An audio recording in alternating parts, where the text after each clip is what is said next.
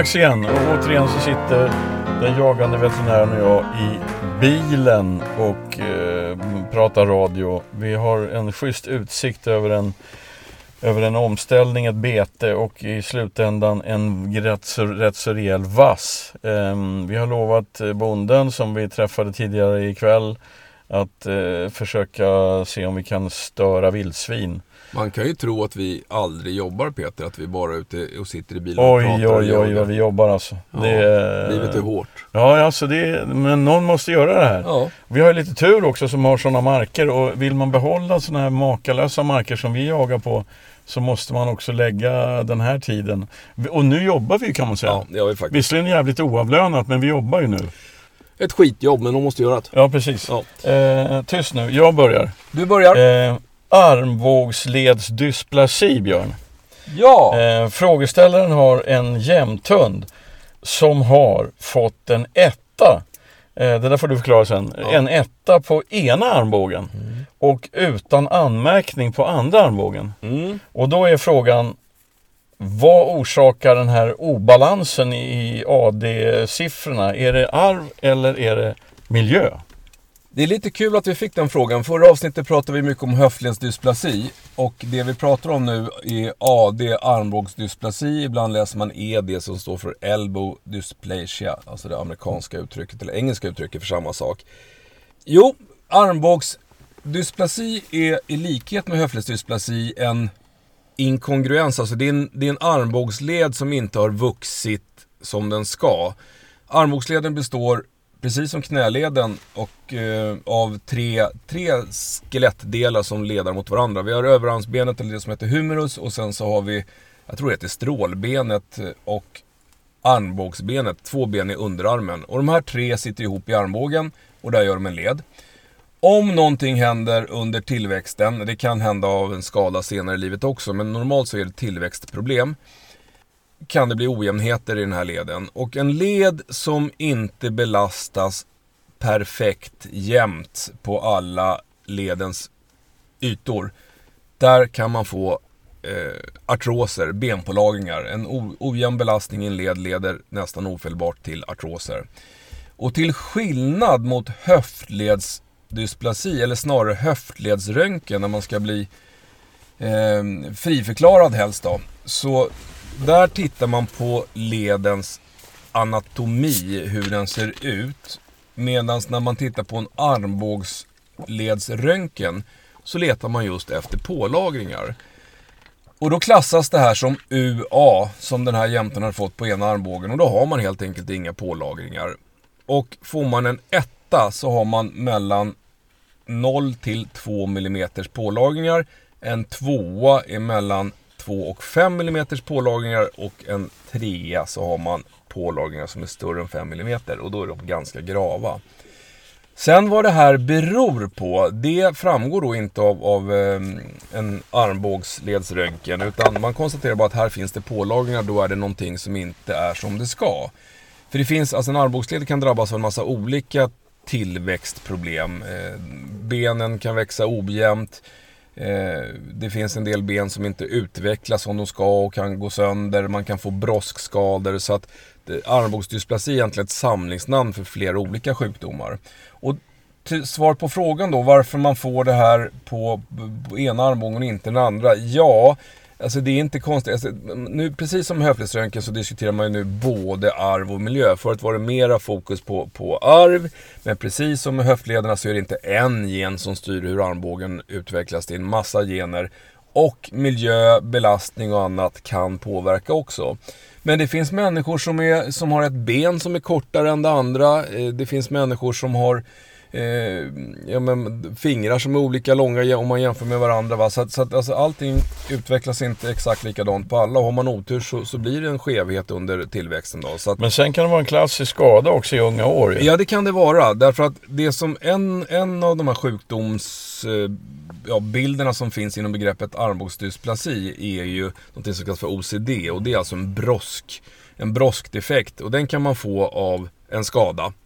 Eh, men men de, jag tror att de allra flesta armbågar som, man, man gör den oftast ganska tidigt i en armbågsröntgen. Då är det i normalfallet, hittar man fel så är det normal, normalt sett någonting som har skett som inte har gått som det ska under tillväxten. Men vad ska hon tänka på något särskilt nu då? Eller vad är det Nej, som... det, och då är det, det är lite grann som med, med höftledsröntgen. Alltså nu har ju den här jämten i ena armbågen pålagringar som är mellan 0 och 2 mm stora. De är ganska små.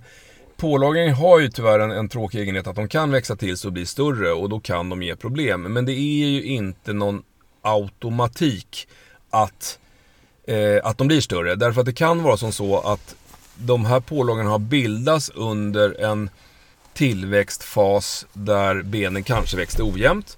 Men det där kan ha korrigerat sig. De kan ha vuxit i kapp så att numera har man en, en jämn belastning på ledytorna. Så det behöver liksom inte vara något som accelererar. Men det är väl samma sak som höftledsproblem. Att håll, håll den här jämten i fysisk topptrim ständigt året runt. Precis samma sak. Alltså muskulatur, rörlighet i leden är, är A och O för att minimera riskerna. Man, förebygga har vi pratat om också. Man kan ge såna glukosaminer, fodertillskott för att minska risken.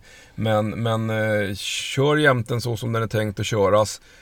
Har du tur kommer du aldrig märka någonting av den där armbågen. Har du otur så kan det bli problem framöver. Men det är absolut ingenting som är givet att det blir så.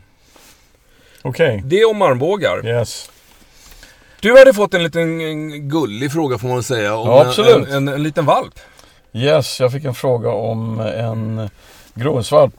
Eh, ägaren var väldigt nöjd med den här lilla valpen och eh, det är den första gråhönsvalp de har haft och eh, de vill göra rätt från början och så men de har ett litet problem. Valpen blir skäll och gnäller besinningslöst när de tränar den i att vara ensam i hundgården. Och då när jag fick den frågan så tänkte jag direkt Hallå, stopp och belägg alltså. Den här valpen är nio veckor gammal. Nu tio veckor gammal.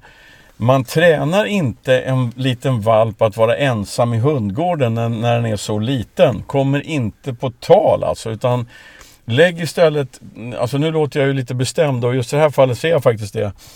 Lägg istället så mycket tid som möjligt på att ha valpen med er överallt hela tiden.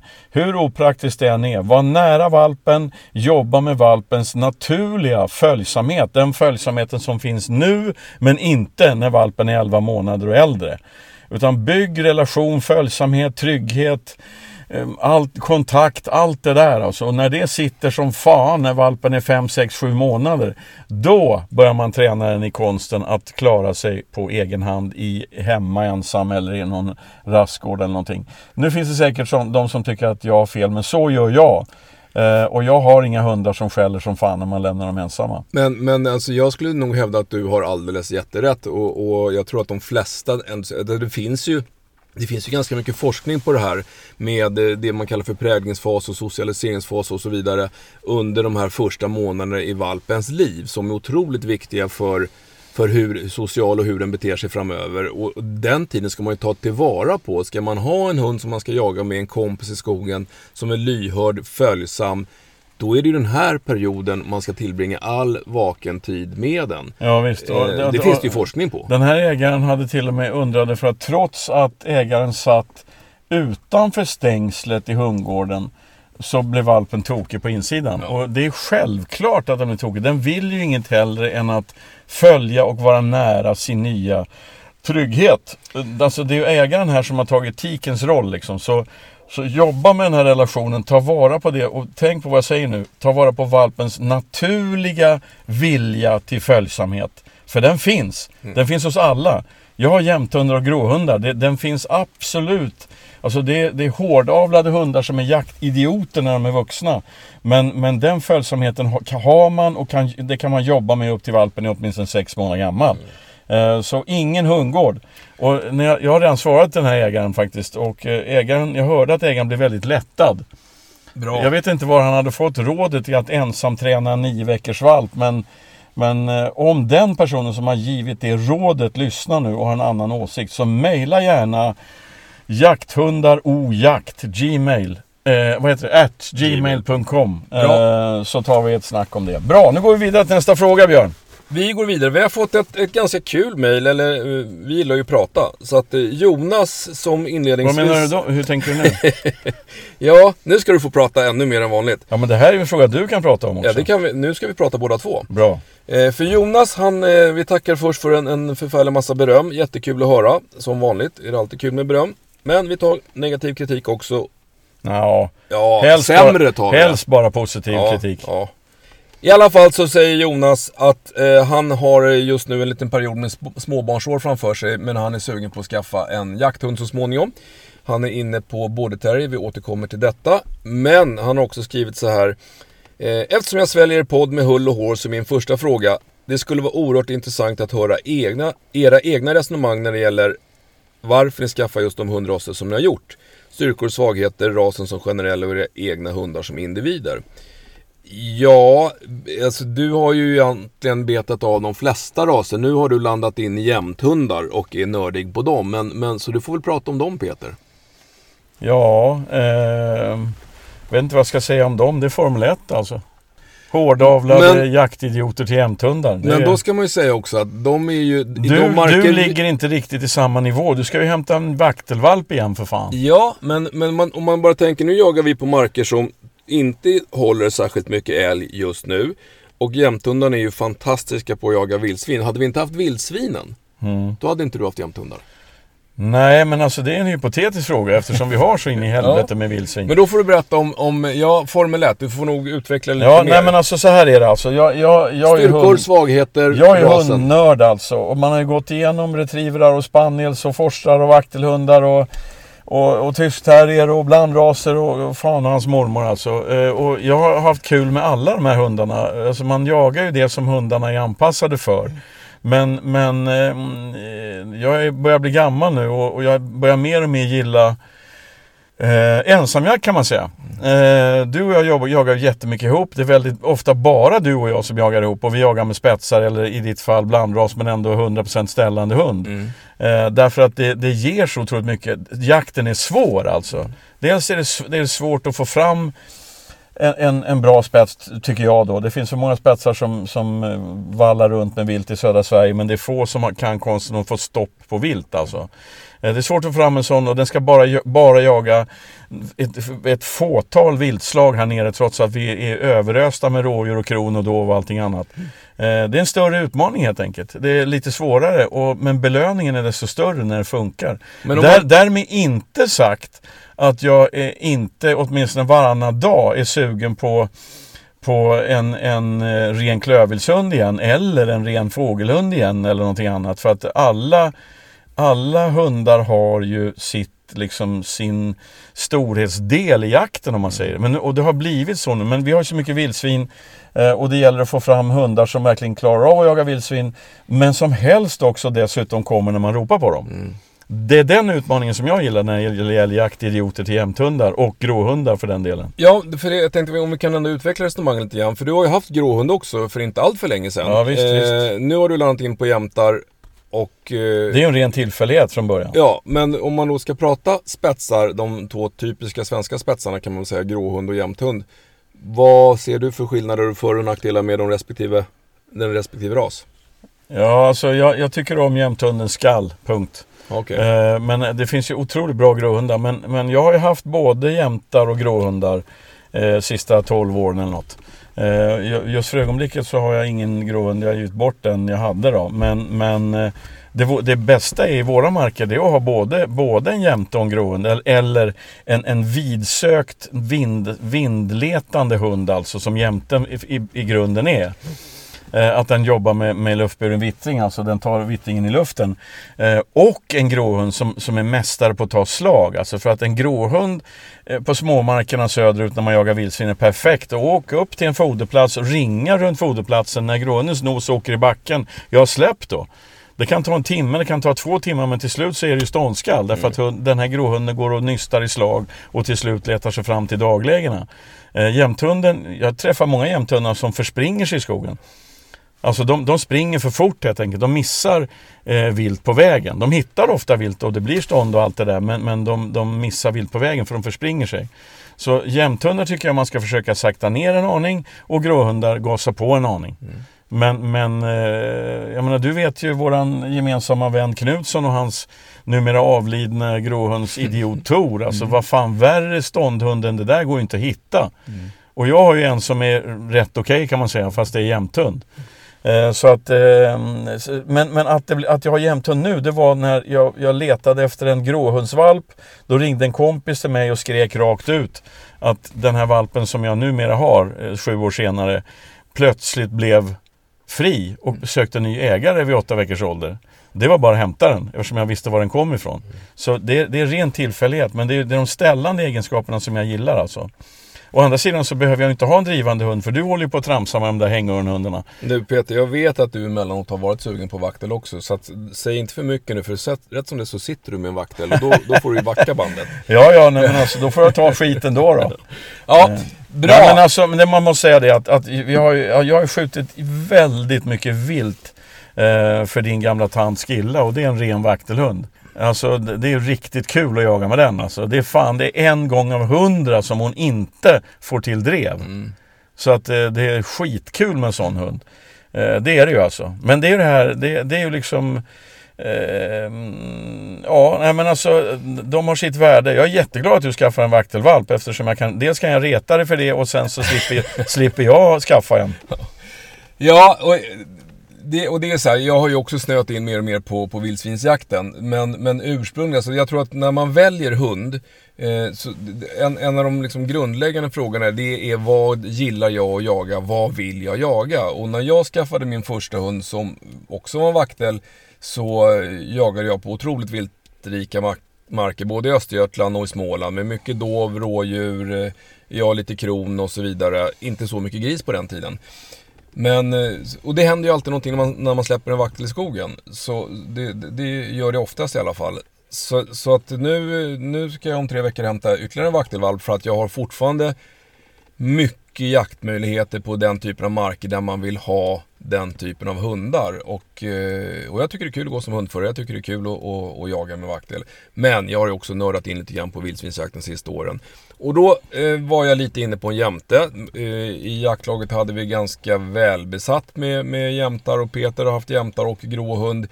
Så jag hade någon liten idé eh, om att testa en blandras, vilket jag kanske har varit lite kritisk mot tidigare. Eh, och eh, har nu då en blandras med 50 gråhund och 50 vaktel. Det är min vakteltik som är morsa. Och den här numera döda jaktidioten Tor eh, är farsan.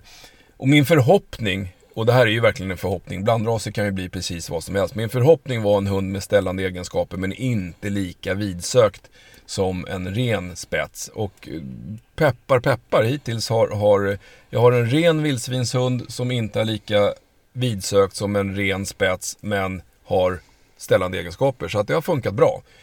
Så, så, så det, det har varit mina rasval. Nu är jag ju ärligt nästan väldigt sugen på att skaffa en, en spets också. Men vi är ju fler där hemma som tycker att antalet hundar för tillfället är maximerat. Så, att, ja, så att, ja. Eh, man får ju anpassa sig. Men, men det var lite kort om oss. Och eh, Jonas skriver också, han hade en bonusfråga som han skriver. Du, jag nämnde att du var sugen på en, en border terrier och gärna ville ha vår kommentar kring border terrier. Och då ska jag, om jag börjar med min egen syn på border terrier så är det en av mina absoluta favoritraser i jobbet. Det är otroligt, jag har aldrig träffat en otrevlig border terrier tror jag. Otroligt positiva, sociala, gladlynta, enkla hundar att ha att göra med.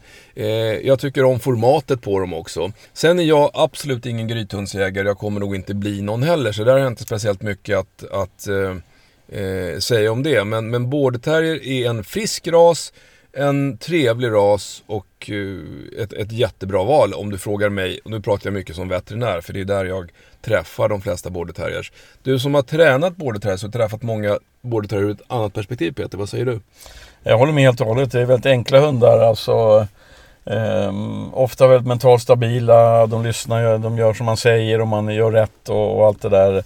Många har också väldigt uh, gott om jaktlust. Jag har två exempel. Jag har en, känner en kille neråt eh, Hallandskanten som har en border terrier som, som bara jagar ovan jord. Uh, och den jagar ju allting som rör sig. Alltså då, det är allt ifrån stora vildsvin till påfåglar höll jag på att säga. Alltså det, det, den löpa hunden hittar den, då, det är fan i mig dunkadrev alltså. Skitkul att jaga med. Det är en bushund kan man säga. Eh, sen har jag väldigt lite erfarenhet själv av grytjakt. Ja, ja, det kan man väl inte säga, så lite är kanske inte. Men, men jag har själv aldrig haft en grythund och är inte särskilt intresserad av grytjakt. Däremot har jag varit med folk som har border terrier och jagar i gryt. Um, så att uh, visst, det kan ju bli en grytidiot. Men där tror jag att han ska vara Han ska kolla linjer helt enkelt. Oh. Det, det, är det viktiga. Vill han ha en grythund, uh, ja men då ska han gå genom Grythundsklubben och den vägen. Och vill han ha en, en terrier som mest jagar ovan jord eller bara ovan jord, det vet jag inte. Vad, vad är hans mål med det? Det lät som han vill ha en eh, grythund som går under jord alltså. Okej, okay, ja men då är det Grythundsklubben, rakt ja, av. Ja och det, det, det, enda som jag kan ha som, som jag har jagat med en del border terriers också. Eh, de som jagar som du säger som bushundar. Jag har ju träffat på några stycken genom åren som inte skallar. De har satt på bjällror och sådana grejer. Men, men det är det som, det är inte alltid man får en hund som, som river i med, med rösten i skogen. Eh, bland borders. Nej, det har jag faktiskt inte varit med om. Mm. Och det är inte särskilt kul. Nej, inte, jag gillar att höra hundskall. Men, men det är ju samma sak där då, att han får leta noga. Liksom, leta det, det här ska skallet en... är ju arvbart ja. alltså. Sista frågan ifrån eh, samma skribent här då, då, och den får väl gå till dig Peter. Det, det är återigen det här med prägling. Han har haft en idé då, han vill ju att den här ska jaga räv i gryt och haft då någon idé för att få den att inte jaga grävling. Att kan man ta ett grävlingsskinn och ett, ett äh, rävskinn, dra ner i grytet, berömma när den jagar eller intresserad för gräv, rävskinnet men inte säga någonting. Ignorera hunden om den inte reser för, intresserar sig för grävlingsskinnet. Vad tror du om den idén? Nej, jag tror att det är en dålig idé. På vilket sätt? Jag tror inte man ska, alltså jag, jag tror han ska För det första tror jag att det är dösvårt alltså en, en bra Gris, gris, gris, gris på andra sidan vassen Okej okay. 100% ser du, kolla där Vi tar där. en liten Ja den är långt bort Ja men den är stor som fan Stäng av nu så tar ja, vi den där vi, vi tar en paus hörni, hej!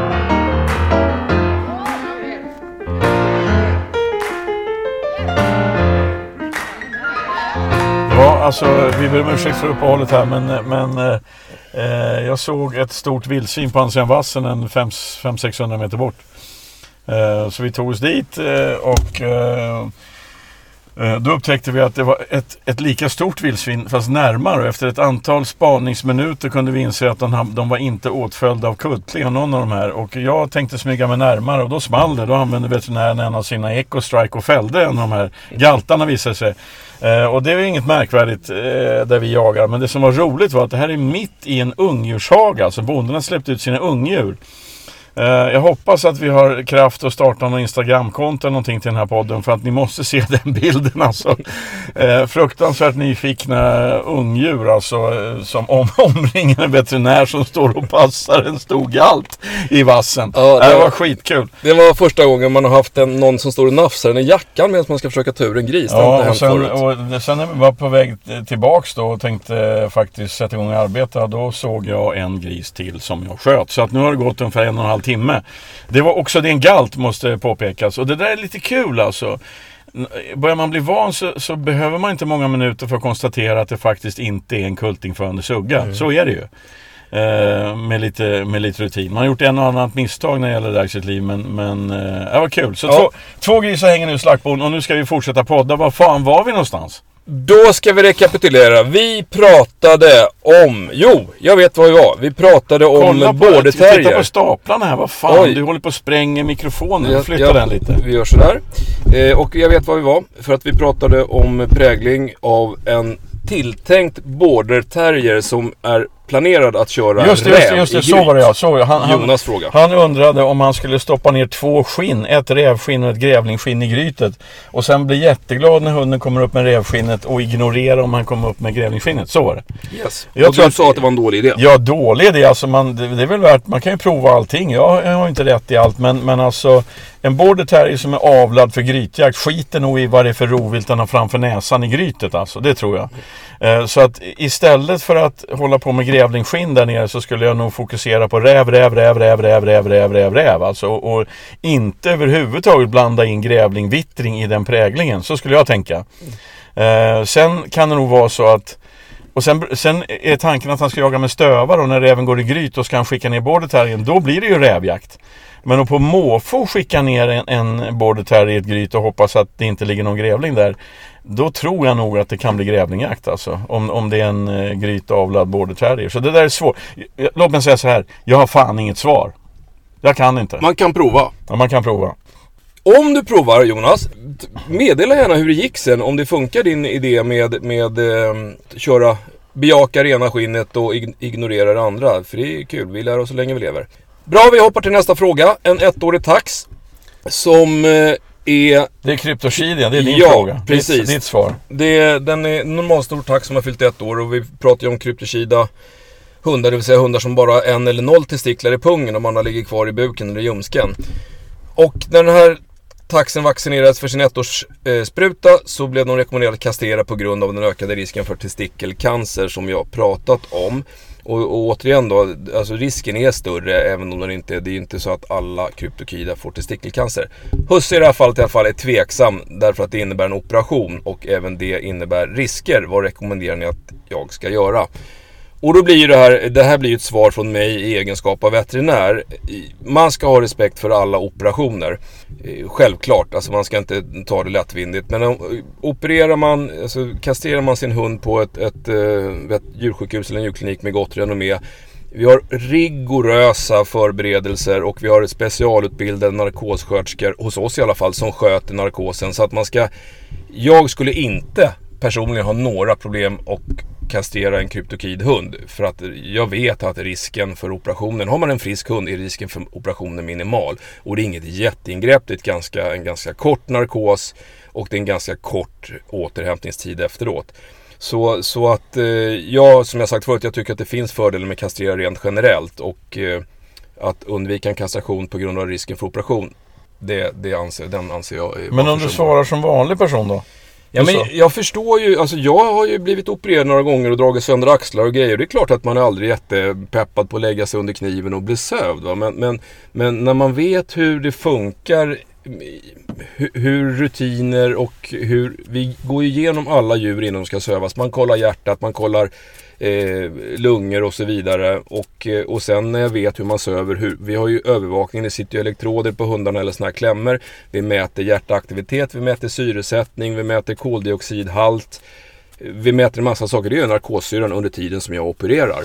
Så att, så att jag vet ju att det sköts, sköts det professionellt så är risken väldigt liten. Men, men det är ett jävla ansvar ni har. Jag, alltså, jag har ju sett dig jobba och du tillhör ju inte de nervösa släkte. Men, men du var rätt spak alltså när jag kom springande med rörmokaren spaniel som var sprättad från, från botten till toppen och du skulle operera en riktigt eh, Ja. dålig. För då, då, alltså det finns ju risker med... Alltså, med Ja men självklart. Och, och, och, och just i det fallet så det, jag tycker alltid ehm, Det är alltid mycket jobbigare när det är folk man känner. Det är nästan lättare med mina egna hundar för det är mitt, alltså då har jag ansvar. Men om det är mina polare, om dina hundar blir sjuka då, har man, då känner man alltid lite extra press va. Sen i rörmokarens fall så var ju det en väldigt allvarlig skada. Nu gick ju det bra. Men, men det är en sån här, ja men det är bara att ge sig på. Man, man kan Det var ju en liksom två stå- timmars operation för Ja. fan. så att nej, så, så operationsrisken med kastration, eh, låt inte den hindra dig. Se det bara till att du hittar ett bra ställe där, som du har förtroende för. Och, och med, med... Det blev ett oerhört långt svar. Vi ber om ursäkt för det. Svaret är nej. Det är lugnt. Inga risker. Så kör vi. Bra. Minimala risker. Ja, förlåt. Minimala risker. Okej, vi kör en till. Eh, Och nu är det, bollar vi över till dig. För då, vi har ju pratat, eller du framförallt har pratat mycket om det här med att eh, drar man hunden bakåt vill den framåt. Och vi fick någon fråga om man drar hunden framåt och vill den bakåt. Ja, I det här fallet så är det en hund som, när den varit på promenad och går i koppel så vill den verkligen inte följa med in. Den, den tycker att det är jättetråkigt och husse har försökt liksom att bara tokdra säga att nu, nu bestämmer jag, nu, kör, nu ska vi in. Men, eh, men det går inte. Och eh, då undrar husse, har vi något annat tips så att man inte behöver Ja, det släpa finns eh, två hunden? tips alltså. Men, men alltså, det, det låter som om han har kopplet i handen. Eh, ja, Eh, vilket innebär att det är kamp. När han släpar då så blir det kamp. ja. Vad är det för hund han har? En tax. Det, det var samma kryptokida taxen. En samma tax, okej en tax alltså. Då, och, och det här är en vuxen man eller? Ja. Bra, då är jag, första rådet är eh, ah, sätt, ah, kö, skaff, köp en karabinhake. Sätt den i, i bältet. Sätt fast kopplet i bältet. Gå bara. Stanna inte för någonting när du ska hem utan bara gå. För din tyngd och din kraft kommer göra att taxin har inte en chans att streta emot. Men har man kopplet i handen då blir det alltid juckande, kamp, eh, strul liksom. Sätt fäst kopplet på kroppen och bara gå. Tips nummer två. Gå ut på promenaden, men ha en viltfärsbiff i handen, nytillagad. Visa taxen den här viltfärsbiffen och lägg den på verandan. Och gå sen promenaden. Då är det fan inte många taxar som jag känner som inte vill in på verandan på väg hem. Okej? Okay? Då, jag frågar då, därför att husse har skrivit, jag vet att ni har sagt tidigare, ingen hund vill bli släpad, det är bara att fortsätta att gå tills han följer med. Men, men du menar liksom att det är en jättestor skillnad på att ha kopplet i handen och fästa din karbin Hake på kroppen. Ja, ja. Det, är en, det är en milsvid skillnad alltså. Det är en Bra. enorm skillnad. Bra tips! Jag har ett exempel. Jag hade kursen i Åseda häromsistens så då var det en eh, en eh, stor hund som var väldigt stressad och bråkig och rådet till husse var Jag har massa olika typer av längder på koppel. Det här kopplet som jag hade, mina korta kopplet är 40 cm långa. Då fäste han kopplet på kroppen och andra änden på hunden och så bara gick han i två timmar. Eh, I början är det väldigt mycket hunden försöker streta men till slut så går hunden med bara. Den går man. Mm. Varför, alltså, den vill inte bli släpad. Men har man kopplet i handen då blir det alltid kamp. Alltid strid alltså, som jag ser det. Konkret och bra tips. Vi hoppas att det funkar. Eh, nu, eh, jag tror inte vi ska jaga mer. En gris var får, får Jag vill räcka. inte jaga mer. Vi har två grisar att ta hand om. Skärpning nu. Då ger vi oss och vi ger oss poddmässigt också. Vi återkommer inom kort. Ha det gott allihopa. Tack för idag. Om någon, någon frågar oss.